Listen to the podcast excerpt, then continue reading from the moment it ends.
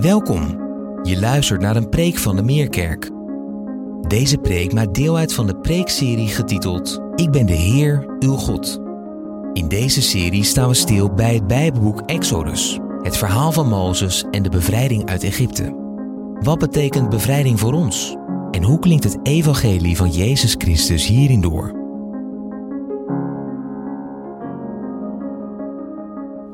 Goedemorgen. Lang Bijbelgedeelte. Dankjewel, Lisanne. En zoals je al hebt aangekondigd, willen we beginnen met een nieuwe preekserie over het Bijbelboek Exodus. Het verhaal van Mozes en de bevrijding uit Egypte. Wie kent het niet? Een prachtig verhaal. Lezen over hoe een Egyptische prinses haar hart gestolen wordt door het gehuil van een hulpeloos kindje die daar dobbert in de Nijl. Lezen over de roepstem uit de brandende braamstuik, die de geschiedenis voorgoed zou veranderen. Lezen over een stotterende herder die de strijd aangaat met de machtigste persoon op aarde. Hoe een heel, heel volk, een hele natie, door de zee, een gespleten zee, naar de overkant gaat. Terwijl hun vijanden achter hun door diezelfde zee verzwolgen wordt. Wat een verhaal, spectaculair. Daar kan geen Hollywood-script tegenop. En er zijn veel films over gemaakt. En uh, ik vraag het even, misschien wel bijzonder voor de dertigers onder ons. Uh, als jij deze afbeelding ziet. Voor wie is dit allemaal jeugdsentiment? Ja, voor een aantal. De animatiefilm Prince of Egypt.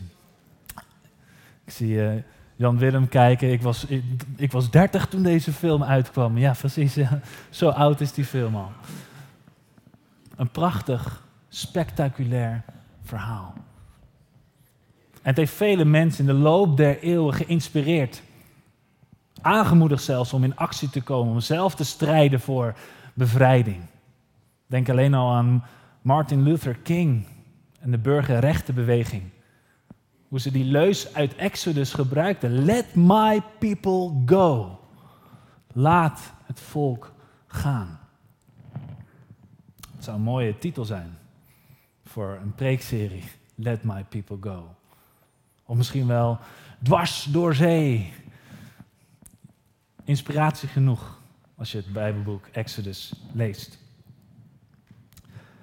Maar wij hebben voor een andere titel gekozen voor deze preekserie. De titel die we hebben gekozen komt uit Exodus 20, vers 2. Ik ben de Heer uw God. Ik ben de Heer uw God. Dat zijn de woorden die God spreekt. Als hij op de berg Sinaï verschijnt aan Mozes en dan geeft hem de tien geboden, begint hij met deze woorden. Ik ben de Heer uw God die u uit Egypte, uit de slavernij heeft bevrijd. Waarom hebben we voor deze titel gekozen? Omdat dit is waar het Bijbelboek Exodus ten diepste over gaat. Het gaat niet om een politieke revolutie, van de bevrijding van een volk, hoe spectaculair het verhaal ook is. Maar ten diepste is Mozes niet de hoofdpersoon van dit verhaal, het is God. God die een verbond heeft gesloten met Abraham. En in het boek Exodus wil hij recht doen aan dat verbond en de beloftes die hij heeft gemaakt. Dit gaat over God, die zijn volk wil bevrijden, zijn volk voor hem wil winnen en niets liever wil dan dat zij hem aanspreken met deze woorden. Ja, u bent onze Heer, u bent onze God. Hij is in de lead, hij is de hoofdpersoon. En ik hoop dat deze woorden, ik ben de Heer, uw God, dat deze woorden steeds meer voor ons mogen gaan leven in de komende weken als we gaan stilstaan bij Exodus. En dan vraag je misschien af, waarom Exodus? Waarom nu?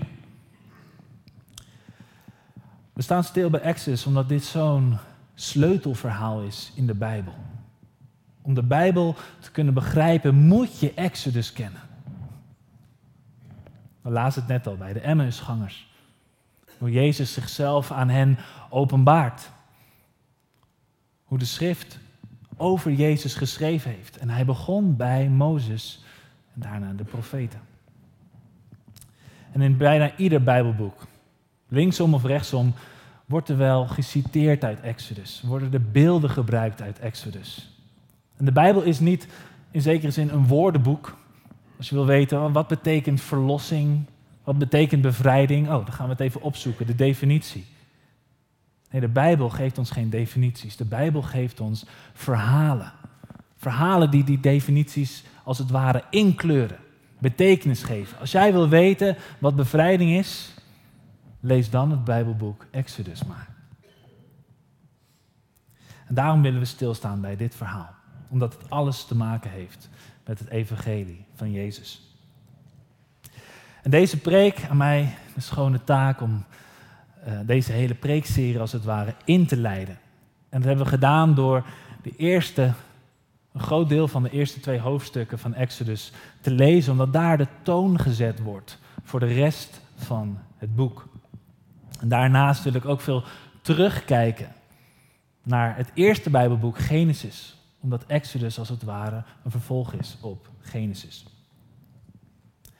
Er worden een aantal thema's geïntroduceerd in deze eerste twee hoofdstukken. En die wil ik heel graag aanstippen. Dus laten we kijken naar een aantal sleutelmomenten van het verhaal wat we zojuist gelezen hebben. Een aantal sleutelpersonen die daarin voorkomen.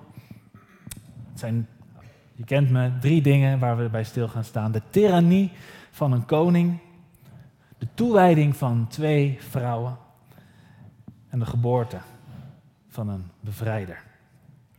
Een koning die Jezus, Jozef niet gekend had. Twee vrouwen die meer ontzag hadden voor God dan voor Farao. En een bevrijder die geboren wordt, maar die uiteindelijk ook weer wegvlucht voor die Farao. We hebben het gelezen. Het eerste, de tyrannie van een koning. Wie kijkt er wel eens een serie op Netflix, bijvoorbeeld? Wie kijkt er wel eens een serie? Nou, dat kennen we allemaal wel, dat een, een aflevering soms kan beginnen met een aantal beelden van de vorige aflevering. Gewoon om even je geheugen op te frissen. Wat is er nou precies allemaal gebeurd in die vorige aflevering en waar bouwen we op voort? Eigenlijk is dat de manier hoe Exodus ook begint. De eerste verse die we niet gelezen hebben is een korte geschiedenis van waar we gebleven waren in het boek Genesis. Want het boek Genesis eindigt met het verhaal van Jozef. En we kennen het verhaal van Jozef. Hij werd verkocht door zijn eigen broers uit jaloezie, uit haat. Hij werd verkocht als slaaf, om als slaaf te gaan werken in Egypte. En op wonderbaarlijke wijze wordt hij van slaaf tot onderkoning van Egypte. Om Egypte van de hongersnood te redden. Maar niet alleen Egypte, ook zijn eigen familie die uiteindelijk bij hem aankomt kloppen om eten te halen. En zo wordt Jozef met zijn broers herenigd. En zo wonen ze ook in Egypte. Zo zijn ze in Egypte beland. En daar groeit deze familie uit tot een groot volk. We lazen het net al. In verschillende versen. Het volk breidde zich uit. Het werd talrijk. En dit is belangrijk. Waarom? Omdat dit precies is wat God beloofd had aan Abraham in het verbond. Hij had hem beloofd veel nakomelingen. Je zal talrijk zijn, jouw nakomelingen. Er zal een volk uit jou voortkomen. En een belofte voor land. Een land waar ze in mogen wonen, het beloofde land. Dat is het verbond wat God heeft gesloten met Abraham. En Exodus is eigenlijk het verhaal hoe hij recht doet aan dat verbond, hoe hij zijn beloftes nakomt. God had zelfs al tegen Abraham gezegd dat dit zou gaan gebeuren, dat ze zouden wonen in een vreemd land. Dat ze daar onderdrukt zouden worden, maar ook dat God hem zou bevrijden. Dat lezen we in Genesis 15, vers 13 en 14. Toen zei de Heer, besef goed dat je nakomelingen als vreemdeling zullen wonen in een land dat niet van hen is. En dat ze daar slaaf zullen zijn en onderdrukt zullen worden. 400 jaar lang. Maar ik zal het volk dat hen als slaaf laat werken ter verantwoording roepen en dan zullen ze wegtrekken met grote rijkdommen. Wat God hier doet in Exodus is zijn beloftes nakomen. En daar hebben we de farao. De farao die Jozef niet gekend had. En die ziet het volk groeien, talrijker worden. En hij herinnert zich niet de voorgeschiedenis, hoe Jozef honderden jaren geleden hen had gered van een hongersnood. Het enige wat hij ziet is een volk wat groter wordt en wat een bedreiging vormt. En die moet hij uitroeien. En hij nam vreselijke maatregelen door het volk tot slaaf te maken en hun kinderen af te maken. En we lezen dan hoe de koning slavendrijvers aanstelt en een heel zwaar werk laat doen, steden laat bouwen. Goedkope krachten zou je misschien wel denken. Maar dat is niet alles wat er gaande is hier in het eerste hoofdstuk van Exodus. Het is niet alleen goedkope krachten, fijn, dan hebben we een aantal slaven. In vers 14, daar lezen we hoe ze worden afgebeuld, hoe hun leven ondraaglijk wordt gemaakt. Ze moesten stenen maken van klei, werken op het land. En in de vertaling verliezen we iets wat in de Hebreeuwse grondtekst heel duidelijk naar voren komt. In dit vers alleen al wordt één woord gebruikt vier keer, aboda. Dat wordt hier vertaald met zwaar werk doen. Maar hoe het eigenlijk vertaald zou kunnen worden, moeten worden, die diepere betekenis van dat woord, is het dienen van een heer. Zij worden geforceerd om de farao te dienen als een heer, te erkennen als hun heer, als hun koning.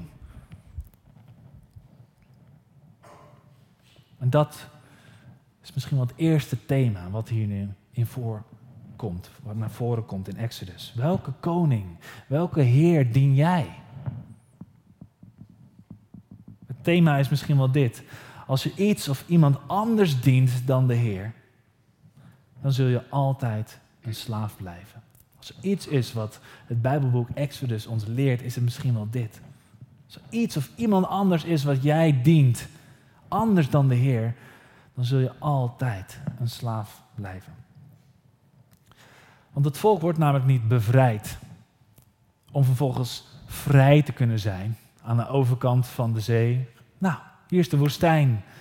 Geweldig, jullie zijn vrij, jullie kunnen nu leven zoals je wil. Ik heb jullie bevrijd, succes ermee. Nee, daar eindigt het verhaal niet.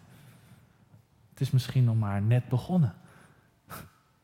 Ze zijn bevrijd van de farao. Maar ze zijn ook ergens toe bevrijd om iets te doen. Mozes zegt niet, laat mijn volk gaan. Nee, Mozes zegt, laat mijn volk gaan, zodat we de Heer een offer kunnen brengen in de woestijn. Zodat we onze Heer kunnen aanbidden. Zodat we onze ware koning kunnen dienen.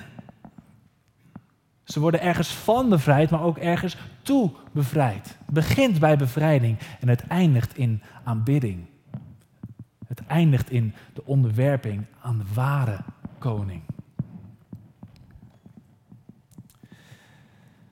En ons moderne idee van vrijheid is dat we vrij willen zijn om te doen wat we willen. Te gaan en staan waar we willen. Zelf de baas te zijn en vooral niemand boven je hebben die bepaalt wat jij moet doen. Dat is ons moderne idee van vrijheid. En Exodus maakt daar korte metten mee. Die zegt dat is niet de manier waarop jij vrij kan zijn. Want je dient ten diepste altijd wel iets of iemand. Als je God niet dient. Als Hij niet jouw Heer is, is iets of iemand anders het wel. Iedereen leeft wel ergens voor. Iedereen heeft wel iets waarvan je zegt, als ik dat maar heb, dan vind ik zekerheid in mijn leven. Dit is waar ik voor leef. Dit is wat centraal staat in mijn leven. Dit is het allerbelangrijkste. Als dat wegvalt, stort mijn leven in elkaar. Dat is jouw Heer. Dat is jouw Meester. Dat is waar je voor leeft. En het hoeft misschien niet altijd die grote dingen te zijn. Ja, rijkdom. Niet iedereen wil beroemd worden. Maar iedereen heeft wel iets. Erkend willen worden. Door gewoon de mensen om je heen. Mensen die van je houden. Leef je daarvoor? Misschien denk je, ja joh, ik heb daar allemaal geen last van. Dan denk ik dat je nog een keer in de spiegel moet kijken. Wat is het? Wat heeft een haakje in jouw hart? Wat heeft jou aan een touwtje dat je zegt van, oeh, dat maakt misschien wel iets, uh, dat heeft misschien wel een iets grotere plek in mijn leven dan het zou moeten hebben.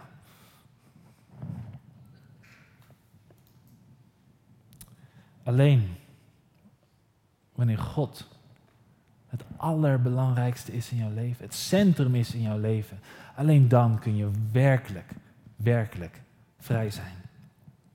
Alleen wanneer je zo onder de indruk bent van Hem, van Zijn grootheid, van Zijn majesteit, is er wauw, U bent de Heer, U bent ook mijn God. U staat centraal in mijn leven. U bent het allerbelangrijkste. Ze mogen alles van me afnemen, maar niet u. Dan dien je Hem ten diepste. En dan ben je werkelijk, werkelijk vrij. Dus dat is het christelijke idee van bevrijding. Niet bevrijding om vrij te zijn, om te doen wat je wil. Nee, bevrijding tot de onderwerping van, aan God en de aanbidding van God. Dat is het eerste thema wat naar voren komt. En dan gaan we door van die koning naar die twee vrouwen. De toewijding van die twee vrouwen, Sifra en Pua. We lezen over hen in Exodus 15 en 16. En aan hen wordt gezegd, als u de Hebreeuwse vrouwen bij de bevalling helpt, let dan goed op het geslacht van het kind. Als het een jongen is, moet u het doden. Is het een meisje, dan mag ze blijven leven. Het plan dus om het volk te onderdrukken met slavernij is niet voldoende. En de farao gaat over naar plan B. Vermoorden van de jongetjes, die pasgeboren jongetjes van de Israëlieten. Nou, waarom dan alleen de jongens? De meisjes vormden in zekere zin geen bedreiging. Want op het moment dat de meisjes groot zouden worden, zouden ze de vrouwen worden dan van Egyptenaren of dienaressen of slavinnen. En zo wordt een volk als het ware opgeslokt door een groter volk. Zo wordt, in ieder geval dat is de poging, de identiteit van het volk van Israël weggenomen. Als je de jongetjes allemaal vermoordt.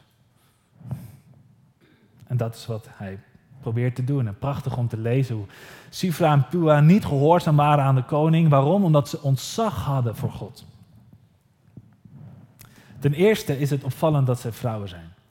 En vrouwen, zoals we weten, hadden een lagere sociale status in de maatschappij dan mannen. En het waren niet alleen vrouwen, het waren vroedvrouwen. Verloskundigen, als het ware. Die helpen bij de bevalling. En vaak waren vroedvrouwen vrouwen die zelf geen kinderen konden krijgen. En daardoor andere vrouwen zouden helpen met hun bevalling. En vrouwen die geen kinderen konden krijgen, hadden nog een lagere status in de samenleving. En toch worden de namen van Sifra en Pua opgeschreven. En is het frappant dat de naam van de farao niet eens wordt opgetekend. Nog steeds proberen ze te achterhalen welke farao dit dan geweest had moeten zijn. Maar we weten in ieder geval wel wie deze twee vroedvrouwen zijn. En dat doet de, eh, de schrijver heel bewust. Heel bewust om die namen wel op te schrijven. Om daarmee te laten zien wie de echte hoofdpersonen zijn in dit boek. Niet de mensen met macht, de farao's van deze wereld, nee, de vroedvrouwen die niemand ziet. Hun naam wordt genoemd. En waarom? Ze worden gezegend, niet omdat ze zo dapper zijn, niet omdat ze zoveel moed hadden, zo nou, dat is een heldhaftige daad, dat moeten we optekenen. Nee, Waarom worden ze gezegend door God? Omdat ze ontzag hadden voor Hem. Ze hadden ontzag voor God. Dat lezen we in vers 21. Daarom schonk Hij ook aan hen nakomelingen. Waar ze eerst geen kinderen konden krijgen, konden ze dat nu wel. Zo zegende God hen. Dat zijn de mensen die God gebruikt, die Hij zegent, die Hij eert. En waar hun namen heel bewust genoemd worden, wordt er ook heel bewust de naam van God heel weinig genoemd in de eerste twee hoofdstukken. Alleen hier eigenlijk, hoe God deze twee vroedvrouwen zegent. Verder ontbreekt God. Wordt er niet over hem gesproken in die eerste twee hoofdstukken. En dat is opvallend. Want op het eerste oog lijkt alles mis te gaan. Alles gaat mis. Het volk wordt uh, tot slaaf gemaakt. Hun kinderen worden afgemaakt. Alles loopt in de soep. En waar is God om er iets aan te doen? God lijkt afwezig. Hoe herkenbaar is dat soms in ons eigen leven? Als we zoveel ellende meemaken, dat we ons soms afvragen: waar is God dan? Te midden van deze pijn, deze ellende, te midden van dit lijden. Waarom moet mij dit overkomen? En de ene mens heeft het nog zwaarder dan de ander. En dan denk ik in bijzonder aan de uitvaart van gisteren, van onze Erna Aarsen. Wat heeft zij het ook zwaar gehad? Wat een ellende en wat een pijn kunnen we meemaken als mens. En hoe afwezig kan God soms lijken daarin. Maar toch, toch leren we in dit verhaal hoe afwezig God ook lijkt. God is achter de schermen aan het werk. Hij trekt aan alle touwtjes. En hij bereidt hen voor op bevrijding. Zonder dat ze het doorhebben. Zonder dat ze het zien. En dat is misschien wel een ander thema wat aan het begin van Exodus naar voren komt. Namelijk dat God werkt door onze pijn en ellende heen en keert het kwade uiteindelijk ten goede. Uiteindelijk keert hij al het kwaad ten goede. Hoe onwaarschijnlijk dat ook lijkt. En dit zien we al terug in Genesis. Verhaal van Jozef. Hoe hij het kwade van zijn broers ten goede heeft gekeerd. Dat heeft er uiteindelijk toe geleid dat een groot volk in leven blijft, lezen we in Genesis 50. En het is bijna ironisch. En zo ook het kwaad van de koning, van de farao. Ook dat keert God ten goede. De pasgeboren jongetjes worden in de Nijl gegooid. En dat is precies de manier waarop Mozes als kleine baby bij die Egyptische prinses komt. Dat is de manier hoe Mozes in het huishouden van de farao opgroeit om vervolgens een leider te worden die dit volk, die hij probeert uit te roeien, te bevrijden uit slavernij. Het is ironisch. Het kwade van de, van de farao en wat was het kwaad? Om kinderen in een rivier te gooien. Zelfs dat kan God omdraaien en ten goede keren. Maar we zien het ook in het leven van Mozes. Lezen hoe hij de Egyptenaar doodslaat, omdat hij ziet hoe hij een volksgenoot aan het mishandelen is. En wegvlucht naar de woestijn. En dit is het punt waar we stotten in de lezing. Dat is dat je denkt, de enige man die er nog iets aan zou kunnen doen, die verprutst het. Die verprutst het. En die gaat dan naar de woestijn. Om daar 40 jaar lang een beetje als herder te leven. Nou, dag hoop. Maar juist daar, juist daar in de woestijn, leerde Mozes iets wat hij niet had kunnen leren met zijn opleiding in het huis van de farao, namelijk nederigheid. Zelfs waar Mozes het lijkt te verprutsen, kan God die woestijn ook juist gebruiken om Mozes te vormen en te maken tot die leider, tot die bevrijder die God op het oog had. En dit is een beetje hoe, God door deze spanning zichzelf navigeert. Aan de ene kant is hij soeverein en zijn wil zal geschieden. Hij bepaalt wat er gebeurt. En tegelijkertijd heeft hij ons als mensen niet voorgeprogrammeerd om alles te doen precies zoals hij dat wil. We doen dingen die tegen zijn wil ingaan. Hoe werkt dat samen? Dat is een spanning die in deze verhalen zit, als het ware. Hij werkt met mensen die koppig zijn, die een wil hebben, die een levensverhaal hebben. Dat je zegt, ja, ik begrijp waarom jij bent geworden zoals jij bent geworden. Maar God, in zijn goddelijke wijsheid, kan zelfs het kwade wat wij doen en het kwade wat ons wordt aangedaan ten goede keren. Wat een hoop hebben we dat we zo'n God mogen kennen. Ook als we zelf niet zien.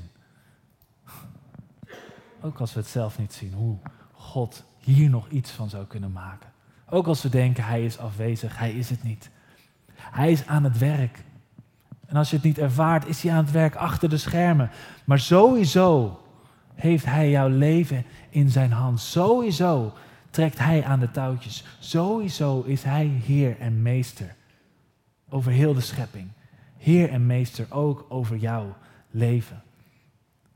Het maakt niet uit hoe kwaad de wereld soms kan worden. Hij kan alles ten goede keren. Wat een hoopvolle boodschap. En wat een God hebben wij.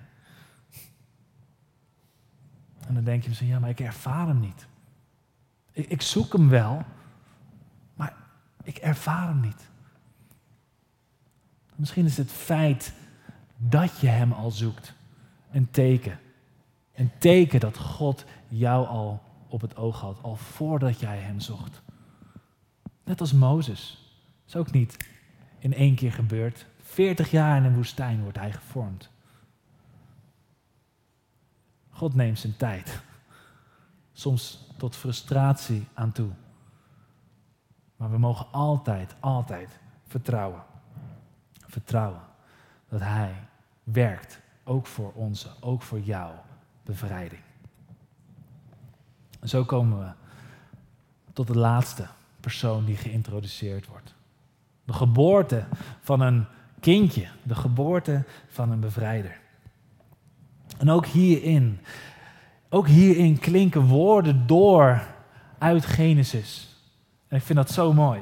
In Exodus 2, vers 2 lezen we dan hoe de moeder van Mozes, Jochebed, haar naam wordt niet genoemd, hoe zij naar haar pasgeboren baby kijkt. En letterlijk in het Hebreeuws staat er, en ze zag dat het goed was. Nou, die woorden die kennen we uit Genesis 1.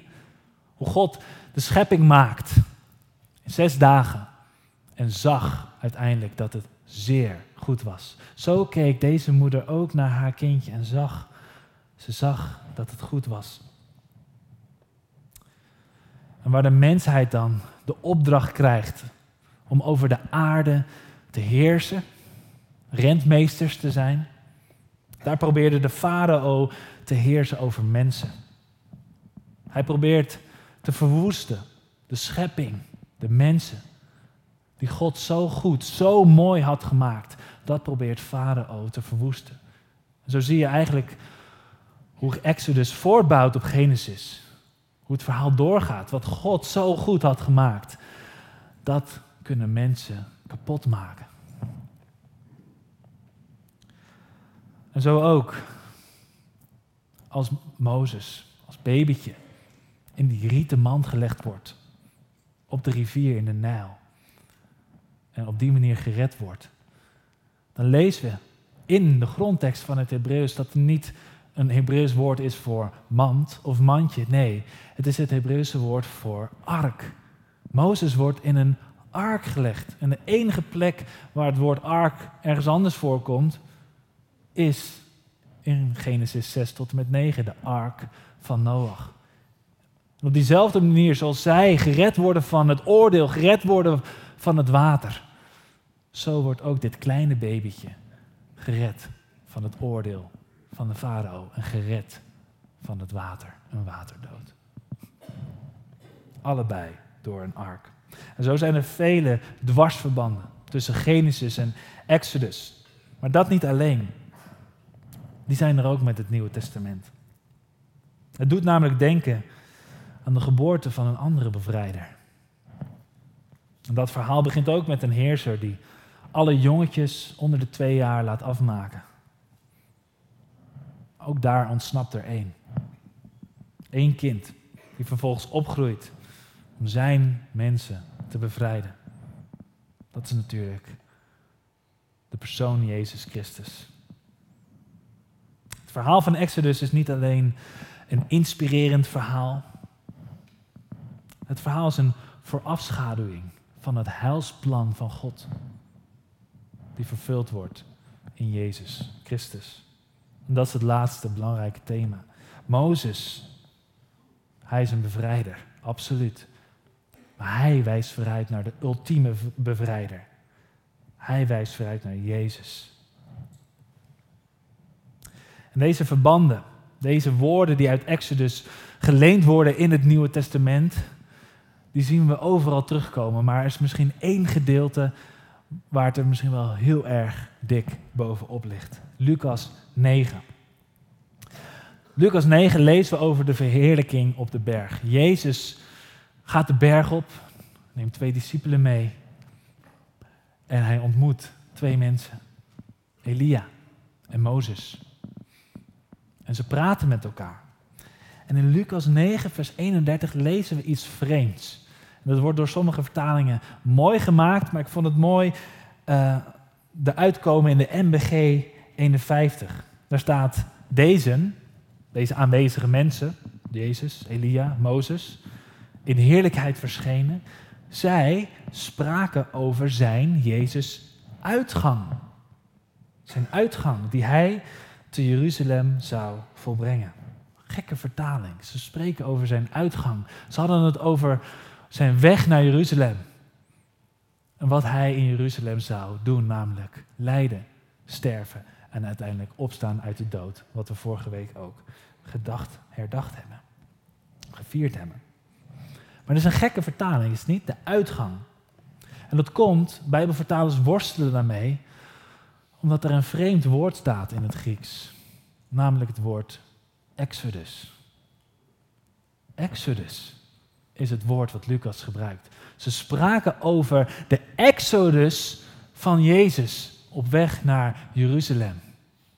Mozes, die de Exodus meegemaakt heeft, zelf, die spreekt met, de met Jezus, de ultieme bevrijder, over de ultieme Exodus. De uittocht uit de slavernij van de zonde, de slavernij van de dood. Dat is waar Exodus naar vooruit wijst. De Exodus van onze Heer, Jezus, die ons bevrijdt van de zonde en van de dood. Daarom missen we de plank wanneer we Exodus alleen lezen om er morele lessen uit te halen, om er principes uit te trekken, om vervolgens een beter leven te kunnen leven. Dan missen we het doel. Want we hebben gezien, gelezen, dat je alleen vrij kunt zijn als je Jezus, als je God het allerbelangrijkste maakt van je leven. Maar wanneer je dan Mozes leest en helemaal geïnspireerd wordt om dan op eigen kracht God te gaan dienen, zul je gek genoeg nog steeds een slaaf zijn. Een slaaf zijn van je eigen prestatiedrang. Als je het op eigen kracht gaat proberen, wauw, zo mooi Mozes. Dat wil ik ook. Dat ga ik ook doen. Ik ga voor God leven. Ik ga Hem centraal stellen. Ik ga Hem dienen. Vervolgens probeer je zelf aan de wet te voldoen. Probeer je zelf een perfect leven te leiden. Om je weg naar de hemel te verdienen. En dan zul je nog steeds een slaaf zijn. Een slaaf van je eigen prestatiedrang. Alleen als je kan rusten en vertrouwen op het volbrachte werk van Jezus, kun je in alle vrijheid en ontspannenheid, zou ik bijna willen zeggen, God dienen. Omdat je leven er niet meer van afhangt. Je bent al gekocht en betaald en geliefd. In Jezus vinden we de juiste inspiratie, de juiste motivatie om God te dienen. Niet om onszelf te bewijzen, maar om Hem te dienen uit liefde. Omdat Hij dat eerst heeft gedaan voor ons. Of we hebben gezien dat God altijd werkt in je leven, ook als Hij afwezig lijkt. En dan kan je zeggen, ik lees Exodus. En ik haal het principe eruit dat God te vertrouwen is, ook al zie ik hem niet. En daar ga ik me aan vasthouden. En met al je kracht probeer je, hoe erg het ook tegenzit in je leven. Tegenslag na tegenslag. Nee, maar ik lees, ik, ik, ga God vertrouwen. Ook al zie ik er niks van, ik, ik probeer me eraan vast te houden. Dat hou je niet vol. Het is te abstract. Het komt niet dichtbij genoeg. Ook dan moet je het zelf doen. Ook dit vertrouwen, dit geloofsvertrouwen, komt pas tot leven als je Jezus mag kennen. Je Jezus mag kennen. Je hebt niet een geloofsovertuiging nodig. Nee, je hebt een persoon nodig die naast je kan staan. En dat is wat bij Jezus zo mooi bij elkaar komt. Hij doet recht aan de mens, hij doet recht aan het lijden en hij doet recht aan God. Hij is mens. Hij is de hoge priester die met ons mee kan voelen, omdat hij weet wat het is om te lijden. We weten misschien niet waarom er lijden is in ons leven, maar we kunnen nooit zeggen dat het hem niks boeit. Want het heeft hem alles gekost. Zo kan hij dichtbij komen in ons lijden. En tegelijkertijd is het niet om ons te troosten. Ah, ik ben met je, ik weet hoe je je voelt. Nee, hij kan er ook nog eens iets aan doen, omdat hij God is. Omdat hij het kwade ten goede heeft gekeerd aan het kruis. Daarom kunnen we het geloofsvertrouwen hebben. Dat hij achter de schermen werkt. Dat hij weet wat hij doet. En kunnen we hoop hebben dat het lijden van deze wereld tijdig is, tijdelijk is. Hij weet wat het is om verlaten te worden. Om eenzaam te zijn. Omdat hij verlaten werd aan het kruis. Toen hij riep, mijn God, mijn God, waarom heeft u mij verlaten? Daar ervaarde hij de eeuwige verlatenheid die wij hadden moeten krijgen. Zodat wij bevrijd konden worden om voor eeuwig verzoend te zijn met God. Zo wijst Mozes zo wijst de Exodus vooruit naar de ultieme Mozes, de ultieme Exodus in Jezus Christus. De Exodus, de bevrijding van de zonde en de dood. En die Exodus hebben wij allemaal nodig. En misschien zit je hier nu wel en denk je dat je vrij bent. Maar je bent het niet. Tenzij je Jezus mag kennen. Dan zul je werkelijk vrij zijn. Of je denkt misschien dat God ver weg is. Je denkt dat hij afwezig is, maar dat is hij niet. Want door zijn bevrijder, Jezus, is hij dichterbij dan je ooit had durven dromen. En hij werkt achter de schermen, ook om het kwade in jouw leven ten goede te keren. Mozes zette zijn leven op het spel om zijn volk te bevrijden. Maar Jezus, hij gaf zijn leven om zijn volk te bevrijden. Alleen als Jezus je vrij maakt, zul je werkelijk vrij zijn. Laten we bidden.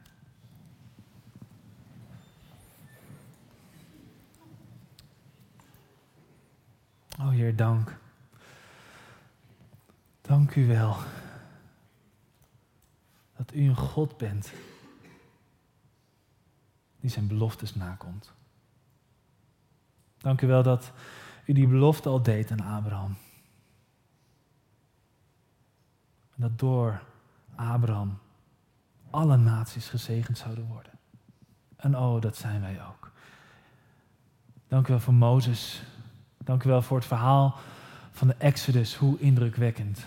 Die grote bevrijding uit de slavernij. Maar dank u wel, Heer, dat het niet alleen een interessant en spectaculair verhaal is voor ons om te lezen, maar dat het een diepe betekenis mag hebben, ook voor ons vandaag. Omdat het vooruitwijst naar Jezus, de ultieme bevrijder. En de uittocht, de Exodus. De bevrijding van de slavernij, van de zonde. En we zijn allemaal een slaaf van de zonde als u ons niet vrijmaakt. En dan bid ik, Heer, wilt u aan ons openbaren, daar waar we misschien gebonden zijn. Gebonden zijn op plekken in ons leven waar we het misschien zelf niet doorhebben. Help ons om in de spiegel te kijken. Help ons om te zien dat wat we misschien een belangrijkere plek geven in ons leven dan het zou moeten hebben. De plek die alleen u toekomt. Want u bent onze Heer, u bent onze God. Heer, wilt u tot ons spreken in deze momenten van stilgebed. En wilt u dat aan ons laten zien.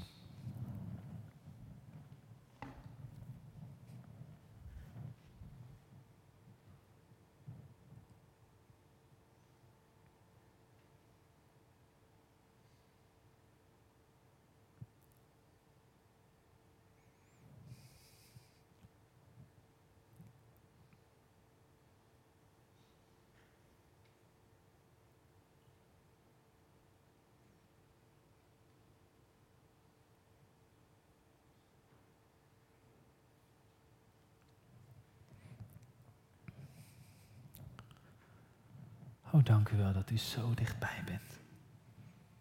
Dank u wel dat u aanwezig bent en niet afwezig. Ook al lijkt u soms ver weg, u bent het niet. U bent aan het werk.